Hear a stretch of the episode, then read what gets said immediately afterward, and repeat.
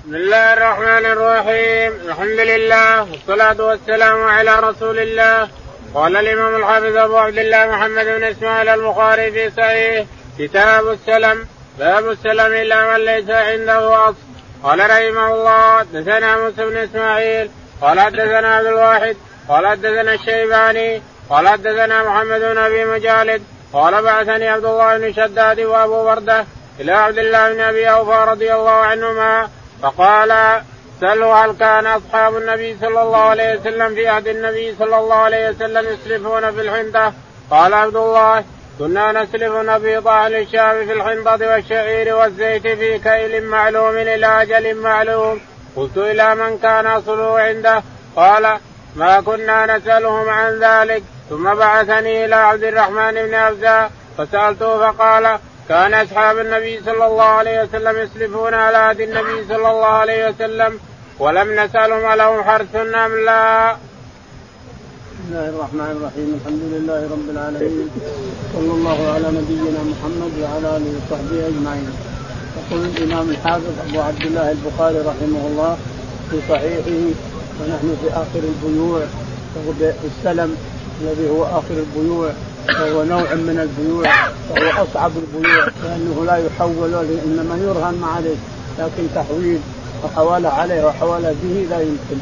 يقول رحمه الله باب السلام إلى من ليس عنده. باب السلم إلى من ليس عنده أموال لا حدائق ولا حبوب ما عنده لانك تسلم في ذمته في الذمة. يجيب لك من أي نوع كان من أي حديقة كان ولا يجوز السلف في حديقتك أنت أو في زرعك أنت لا يجوز هذا ولا يصح. إنما أنا أسلمك أعطيك فلوس تجيب لي 100 صاع من ذمتك. من أي حديقة كانت ومن أي أرض كانت تجيبها لي. أما حديقته أو أرضه فلا يصح. يقول رحمه الله حدثنا موسى بن إسماعيل. موسى بن إسماعيل.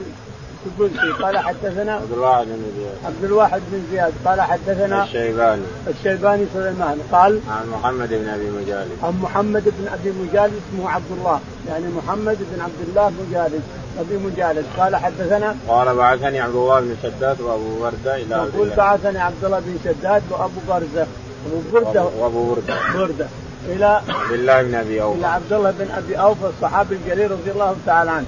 يسألونه عن السلم. كيف الصحابة يسلمون؟ الصحابة؟ كيف سلمهم؟ كيف معاملاتهم؟ فقال رضي الله عنه وأرضاه إننا كنا نسلم في الكيل والمزن. ولا قال من من حديقة معينه قال نعم. نسلم الأنباط يعني التجار يجون من الشام يجيبون حبوب يجيبون زيوت يجيبون أشياء ويأخذون تمر من المدينة. بدل الزيوت والحبوب والألبسة يأخذون تمر لأن المدينة أكثر تمر من الشام. فيأخذون تمر هم يأخذون تمر من المدينة ويجيبون ملابس ويجيبون زيوت زيت ويجيبون من الحبوب التي الاصليه التي الحبوب الأصلية لأن المدينة فيها حبوب لكن حبوب المدينة ليست بالقوة مثل حبوب الشام. حبوب المدينة هي المرأة إذا بغت تقرص كذا تقرص الرجل تقوم به تقطع. أما حب الشام تقوم به واقفه ولا ينقطع تعالى الله وتقدم. العجينه تقوم بها واقفه ما ينقطع. لأن أصله جيد.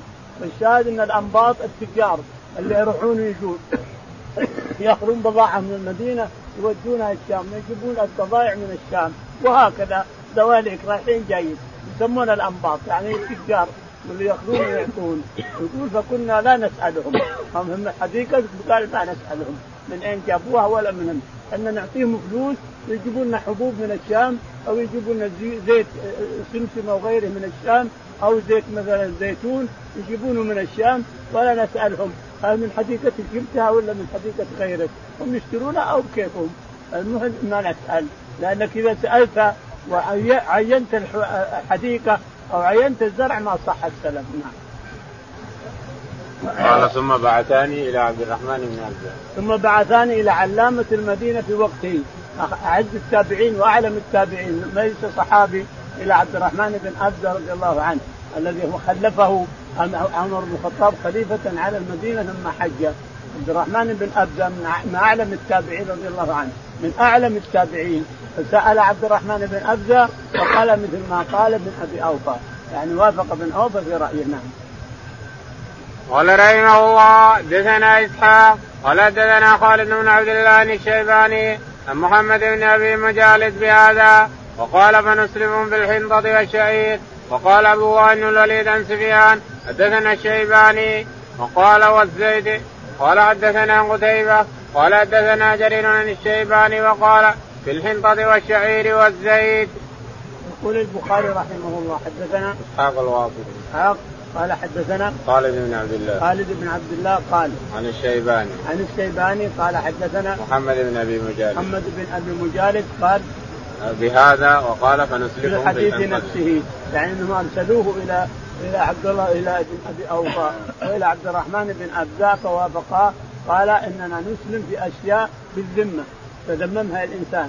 حتى لو غنم يشتري انه غنم موصوفه الأصل والعين والسن وما إلى ذلك تشتري يقول أجيب لك غنم عشر غنم مثلا كل غنم 500 ريال ثم تعطيه مثلا قيمة الغنم ويأخذ شهر ثم يجيب لك الغنم الذي وصفتها أنت وهو. فإن اختل الوصف بطل السلم.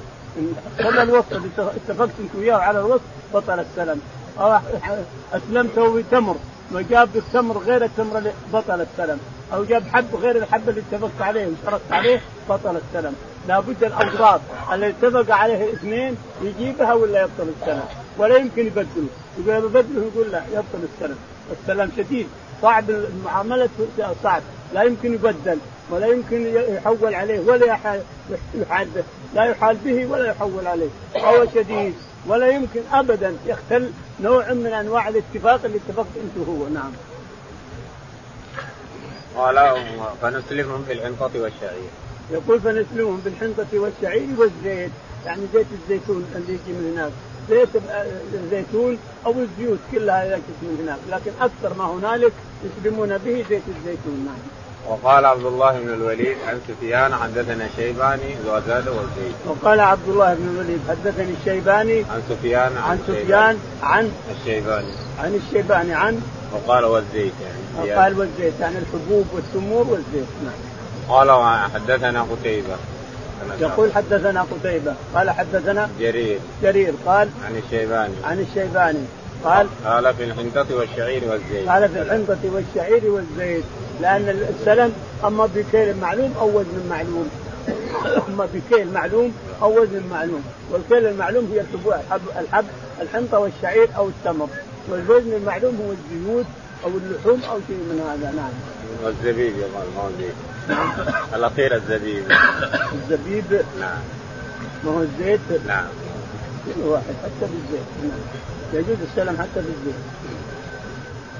قال رحمه الله حدثنا آدم قال حدثنا شعبة قال أخبرنا عمرو قال سمعت والبختري الطائي قال سألت ابن عباس رضي الله عنهما عن السلام في النخل قال نهى النبي صلى الله عليه وسلم عن بيع النخل حتى يؤكل منه وحتى يوزن.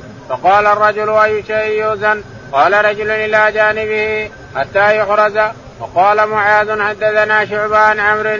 قال أبو البختري سمعت ابن عباس رضي الله عنهما نهى النبي صلى الله عليه وسلم مثله. يقول البخاري رحمه الله باب تابع للباب تابع حدثنا؟ آدم بن أبي إياس. آدم بن أبي إياس. قال حدثنا؟ شعبة. شعبة. قال حدثنا؟ عمرو. عمرو. قال حدثنا؟ أبو البختري. أبو البختري. سعيد. بن فيروز اسمه.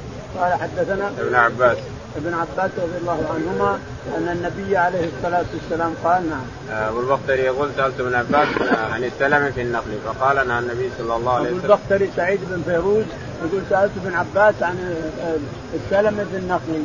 فقال اذا إذا صلح إذا صلح النقل صلح الحمراء صارت حمراء والصفراء صارت صفراء وصلح أكله جاز السلم فيه. أما قبل يصلح ما يجوز لا بيعه ولا شراءه ولا السلم فيه. لا السلم فيه ولا بيعه ولا شراءه قبل أن يبدو صلاحه وكذلك الزبيب.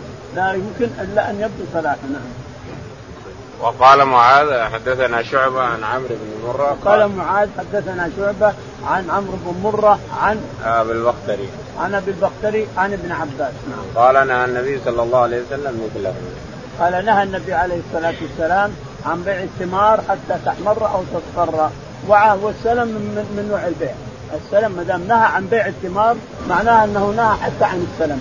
ما يجوز السلم في شيء لم يثمر ما يصفر أو يحمر. نعم.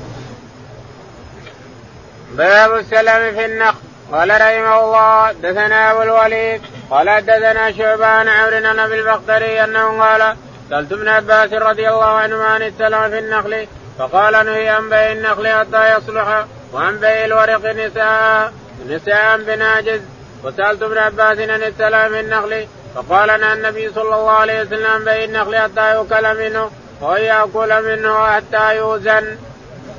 يقول البخاري رحمه الله حدثنا باب النخل في باب السلم في النخل. باب السلم في النخل. يعني النخل التمر ولا يجوز السلم في التمر في النخل حتى يحمر أو يصفر أو يحاز إلى رحله. يحوزه إلى رحله جد النخل يحيزه إلى الجرين حينئذ تسلم فيه. الإسلام هو في الذمة لا في النخل ولا في الجرين ولا في الشيء. السلم ما يصح إلا في الذمة. أنا أعطيك 100 ريال تجيب لي 100 صاع كل كل 10 في في في صاع تجيبها من أي أرض كانت ولا تسمي حديقة ولا تسمي شيء. هذا السلم سلم ان يعطيك فلوس مقدمة. واتفق أنا وأنت على حبوب أو على تمر أو على زبيب أو على زيت نتفق على أصع معلومة معروفة. معلومة في البلد اللي إحنا فيه معروفة نوعها وجنسها ونتفق على هذا وتأخذ الفلوس. والاجل نتفق على الاجل أنه بعد شهر تجيب لي حقي أو بعد شهرين لابد من الشروط هذه. فإذا تمت الشروط لا يمكن أن تختل. لو اختل واحد من الشروط بطل السلم لو اختل واحد من الشروط بطل السلم ورجعت فلوسك لك ولا قطع ولا تمر ولا شيء. قال حدثنا أبو الوليد. يقول البخاري رحمه الله حدثنا أبو الوليد قال حدثنا شعبة. شعبة. قال حدثنا عمرو بن مرة. عمرو بن مرة. قال حدثنا أبو البختري. أبو البختري. قال سألت ابن عباس عن السلم في النخل. سألت ابن عباس عن السلم في النخل قال لا يصح السلم في النخل حتى يحمر أو يصفر. يعني ابن عباس أخذه من أصل البيع أنه لا يصح بيع النخل. لكن السلم غير هذا الشكل. السلم نوع آخر. السلم ما يمكن أن تسلم إلا في الذمة. لا تسلم في النخل هذا ولا في الزرع هذا. تسلم في ذمته تأتيك ب 100 صاع صاع تمر أو 100 صاع زبيب أو 100 صاع حب أو 100 صاع شعير وتعطيه ثمنه حاضرا. الثمن موجود والأجل مؤجل بشهر أو شهرين والمال التمر أو الزبيب أو الحب أو شيء ليس موجود. تجيبه لي بعد شهر أو شهرين. الفلوس موجودة حاضرة يستلمها الآن. يتفقان على شروط إن اختل الشرط أو اختل الاتفاق أو اختل شيء مما اتفق عليه من الشروط بطل السلام. ولا يجوز تبديله. يقول أبدله ما يمكن. بطل خلاص. ما يمكن تبديله. قال فنهى عن بيع النخل حتى يصلح. ابن عباس راعى الأصل. راعى أصل البيع وهو أنه لا يصح بيع النخل يعني التمر إلا حتى يحمر أو يصفر. نعم. وعن بيع الورق نساء بناجز ونهى عن بيع الورق نساء يعني الفضة. تبيع نساء تبيع مثلا 10 ب 11 نساء ما يمكن. 10 ب 10 ما يمكن. وسألت ابن عباس عن السلام في النخل فقال نهى النبي صلى الله عليه وسلم عن بيع النخل حتى يؤكل منه ويأكل. ونهى يقول سألت ابن عباس عن بيع النخل يعني الثمرة. قال نهى النبي عليه الصلاة والسلام حتى يحمر أو يصفر حتى يسلم يدهو. ثم يحمر أو يصفر أو يحوزه إلى جرينه أو يجد النخلة يحوزها إلى جرينه حينئذ لك أن تبيع وتشتري نعم. قال رحمه الله دثنا محمد بن بشار قال دثنا غندر قال دثنا شعبان عون أبي البختري قال سألت ابن عمر رضي الله عنهما عن السلام في النخل فقال لنا النبي صلى الله عليه وسلم بيع الثمر حتى يصلح ونهى عن عن الورق بالذهب نساء بناجز وسالت ابن عباس رضي الله عنهما فقال نهى النبي صلى الله عليه وسلم عن بيع النخل حتى يأكل أو يؤكل وحتى يوزن. قلت وما يوزن؟ قال رجل عنده حتى يحرز. يقول البخاري رحمه الله حدثنا محمد بن بشار. محمد بن بشار قال حدثنا محمد بن جعفر. محمد بن جعفر قال حدثنا شعبة. شعبة قال عن عمرو بن مرة. عن عمرو بن مرة قال عن أبي البختري. عن أبي البختري سعيد قال قال سألت ابن عمر رضي الله عنه عن السلم في النخل. يقول سألت ابن عمر عن عن السلم في النخل. السلم في النخل. يعني في الحافة الثمر ثمر النخل. فقال إن النبي عليه الصلاة والسلام نهى عن بيع الثمرة حتى تصفر أو تحمر وعن بيع الزبيب حتى ينمو وعن بيع الحبوب حتى تزهو إلى آخره. ونهى عن الورق بالذهب ونهى عن بيع الورق يعني الفضة. حاضرا بناجز. خذ هذه عشرة على أن تعطيني 15 بعدما بذمتي لك مثلا 10 أو 15 أو 11 لا يمكن إلا حاضر بحاضر. الذهب بالذهب حاضر بحاضر. والفضة بالفضة حاضر بحاضر. لابد أن يكون موجود. نعم. ها وها. قال وسألت ابن عباس فقال نهى النبي صلى الله عليه وسلم بين ناقل حتى يأكل أو يؤكل. قال سألت ابن عباس فقال لا نهى النبي عليه الصلاة والسلام عن بيع الثمرة حتى يؤكل يعني حتى يحمر أو يصفر. قال رجل حتى يوزن فقال رجل عنده حتى يحرز. قال حتى يوزن فسأل رجل عنده ما الوزن؟ قال يحوته في جريمة يعني يحوته في حوته نعم. باب الكفيل في السلم. قال رحمه الله دثنا محمد. قال دثنا يعلى. قال حدثنا الأعمش بن إبراهيم الأسود عن عائشة رضي الله عنها قالت اشترى رسول الله صلى الله عليه وسلم طعاما من يهودي بنسيئه ورهنه درعا له من حديد. يقول البخاري رحمه الله باب الكفيل في السلم. يعني الضمان يضمن لك ديني أما رهن أو كفيل. يبي 100 ريال أو 1000 ريال سلما. فاتفقنا أنا وياه على أن اخذ منه 1000 ريال سلما ويعطينا بدلها حبوب مثلا شعير أو بر أو تمر يعطيني بدلها بعد شهر أو شهرين أو ثلاثة لي ان أطلب كفيل منه. أما كفيل أو رهن. أما كفيل أو رهن. عطني رهن لأن السلم يجوز الكفيل فيه ويجوز الرهن فيه. فالرسول عليه الصلاة والسلام اشترى ثلاثين صاعا من يهودي وأعطاه درعه الحديد. درع حديد أعطاه درعه الحديد. يعني ما هو القطن عندنا درع يسمى درع الثوب هذا طويل إلى الكعبين يسمى درع. يعني ولهذا قال درعه الحديد. يعني رهنه درعه الحديد اللي يلبسه في الحرب عليه الصلاة والسلام. فالسلم جايز فيها الكفيل يقول يا أخي أنا ما أعرفك. أنا أعطيك فلوس ما عليك لكن ما أعرفك. جيب لي كفيل. جيب لي واحد يكفلك بعد شهر تجيب لي فلوسي. فيجيب كفيل لا بأس بذلك. أو يجيب رهن لا بأس بذلك. يعني هذا اللي يخص بالسلم يجوز فيها السلم. وما عداه فلا نعم. قال حدثنا محمد بن سلام. يقول حدثنا محمد بن سلام. قال حدثنا يعلى. يعلى. قال حدثنا الأعمش. الأعمش. قال حدثنا إبراهيم بن يزيد. إبراهيم بن يزيد. قال عن الأسود. عن الأسود. قال عن عائشة. عن عائشة رضي الله تعالى عنها. قالت اشترى رسول الله صلى الله عليه وسلم طعام يهودي بنيسيه ورهنه درعا له. من حديد. تقول عائشة رضي الله تعالى عنها أن النبي عليه الصلاة والسلام اشترى صاع صاع ومدري 30 صاع من يهودي ورهنه درعه ومات عليه الصلاة والسلام والدرع مرهونة عند اليهودي ما فكها إلا أبو بكر الصديق رضي الله عنه. باب الرهن في السلم قال رحمه الله دثني محمد بن محبوب قال دثنا عبد الوهاب قال دثنا الأعمش قال تذاكرنا عند إبراهيم الرهن في السلف فقال حدثني الأسود عن عائشة رضي الله عنها أن النبي صلى الله عليه وسلم اشترى من يهودي طعاما إلى أجل معلوم وارتهن منه درعا من حديد. يقول البخاري رحمه الله باب السلم الرهن في السلم. حدثنا محمد بن محبوب. محمد بن محبوب أو محجوب؟ محبوب. محبوب. قال حدثنا عبد الوهاب. عبد الوهاب. قال حدثنا عبد الواحد. قال حدثنا الأعمش. الأعمش. قال حدثنا قال الأعمش يقول تذاكرنا عند إبراهيم الرحمة في السلم سليمان الأعمش يقول تذاكرنا عند إبراهيم بن يزيد النخعي. تذاكرنا هل يجوز الرهن في السلم؟ هل يجوز الكفيل في السلم؟ هل يجوز كذا؟ نعم. قال فقال حدثني الأسود عن عائشة. يقول إبراهيم بن يزيد النخعي. حدثني الاسود الأسود النخعي أيضا. عن عائشة رضي الله تعالى عنها أن النبي عليه الصلاة والسلام اشترى شعيرا من يهودي ورهنه درعه من حديد، درعه من حديد، لا الدرع القطن، في درع قطن أو درع منصوب، لكن هذا درعه اللي يقاتل فيه، اللي يلبسه في الحرب، درعه الحديد رهنه إياه بالشعير ولحق بربه والدرع مرهونة عند اليهودي نعم باب السلم إلى أجل معلوم. وبه قال ابن عباس وأبو سعيد والاسود والحسن. قال ابن عمر. باب السلم إلى أجل معلوم. وبه قال ابن عباس وأبو سعيد والأسود والحسن. وقال ابن عمر. لا بأس في الطعام الموصول بسعر معلوم إلى أجل معلوم. ما لم يكن ما لم يكن ذلك في زرع لم لم يبدو صلاحه.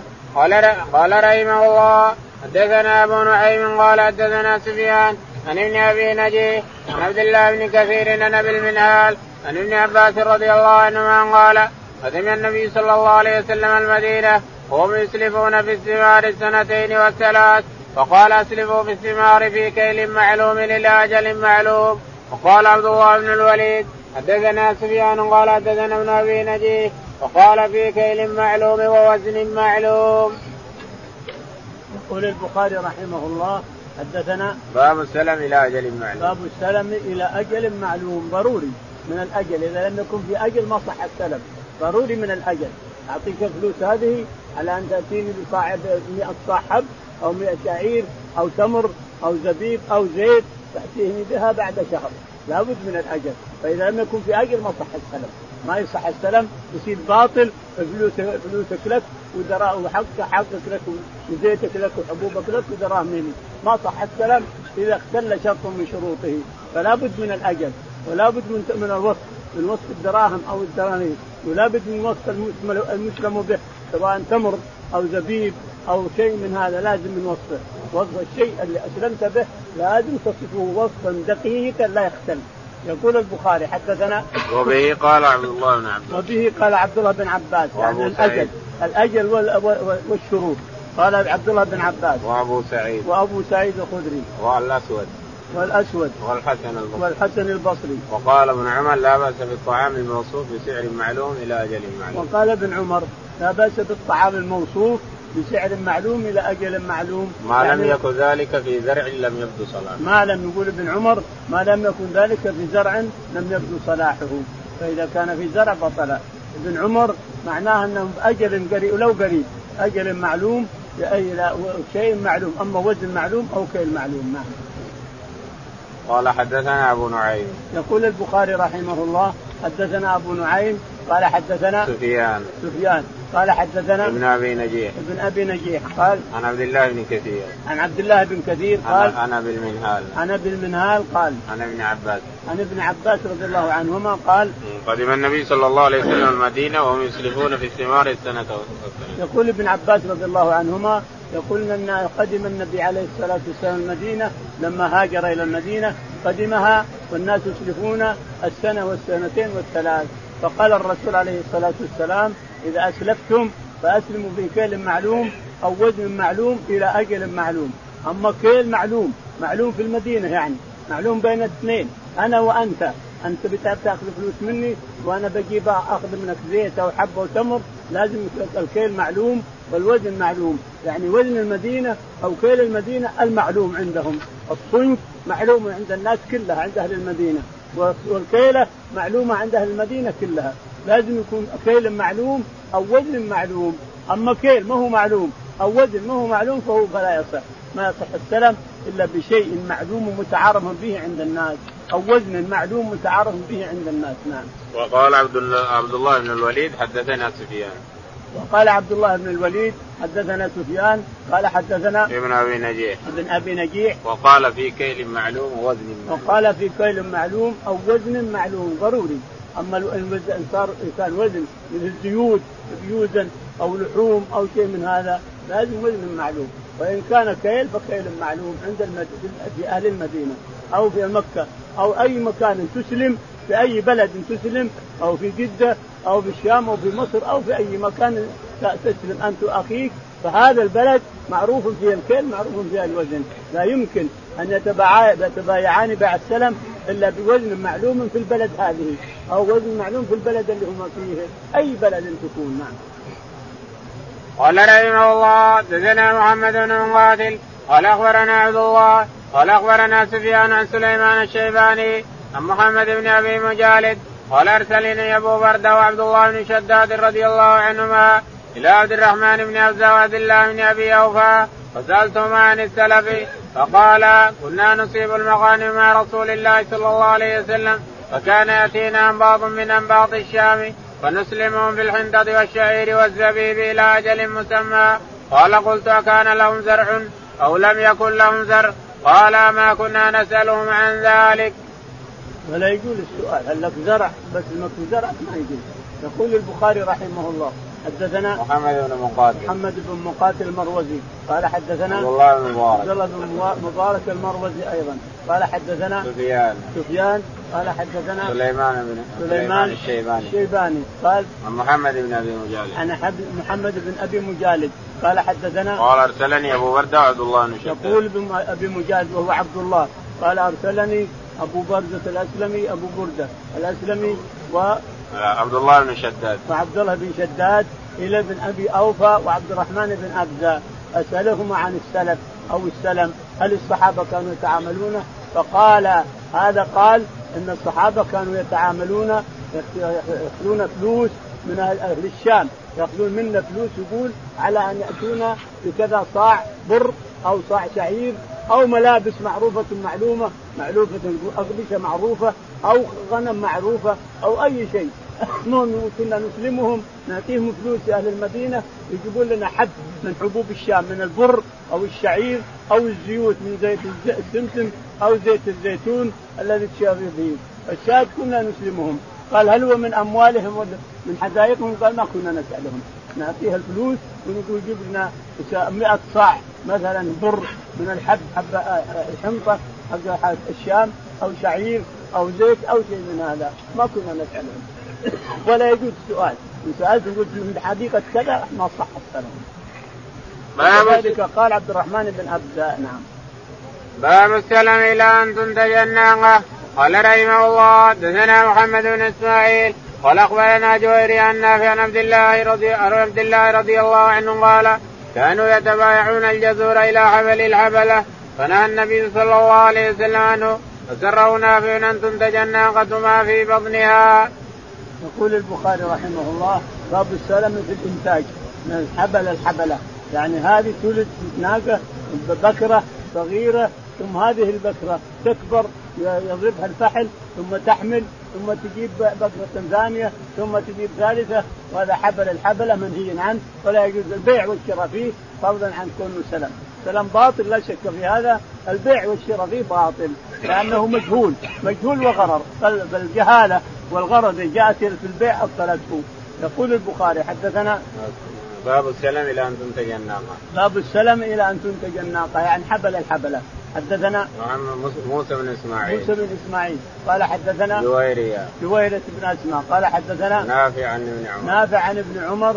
ابن عمر يقول كانوا يتبايعون الجزور إلى حبل الحبل. كان العرب يتبايعون الجزور. فلان تعني هذه الناقة ابذرها ابذبحها وأكلها أنا وجيراني وكذا. وأنا أعطيك نتاج ناقتي. اذا انتجت ناقتي وانتجت نتاج ناقتي أعطيتك ناقة. اعطيتك بقره من من نتاج النتاج.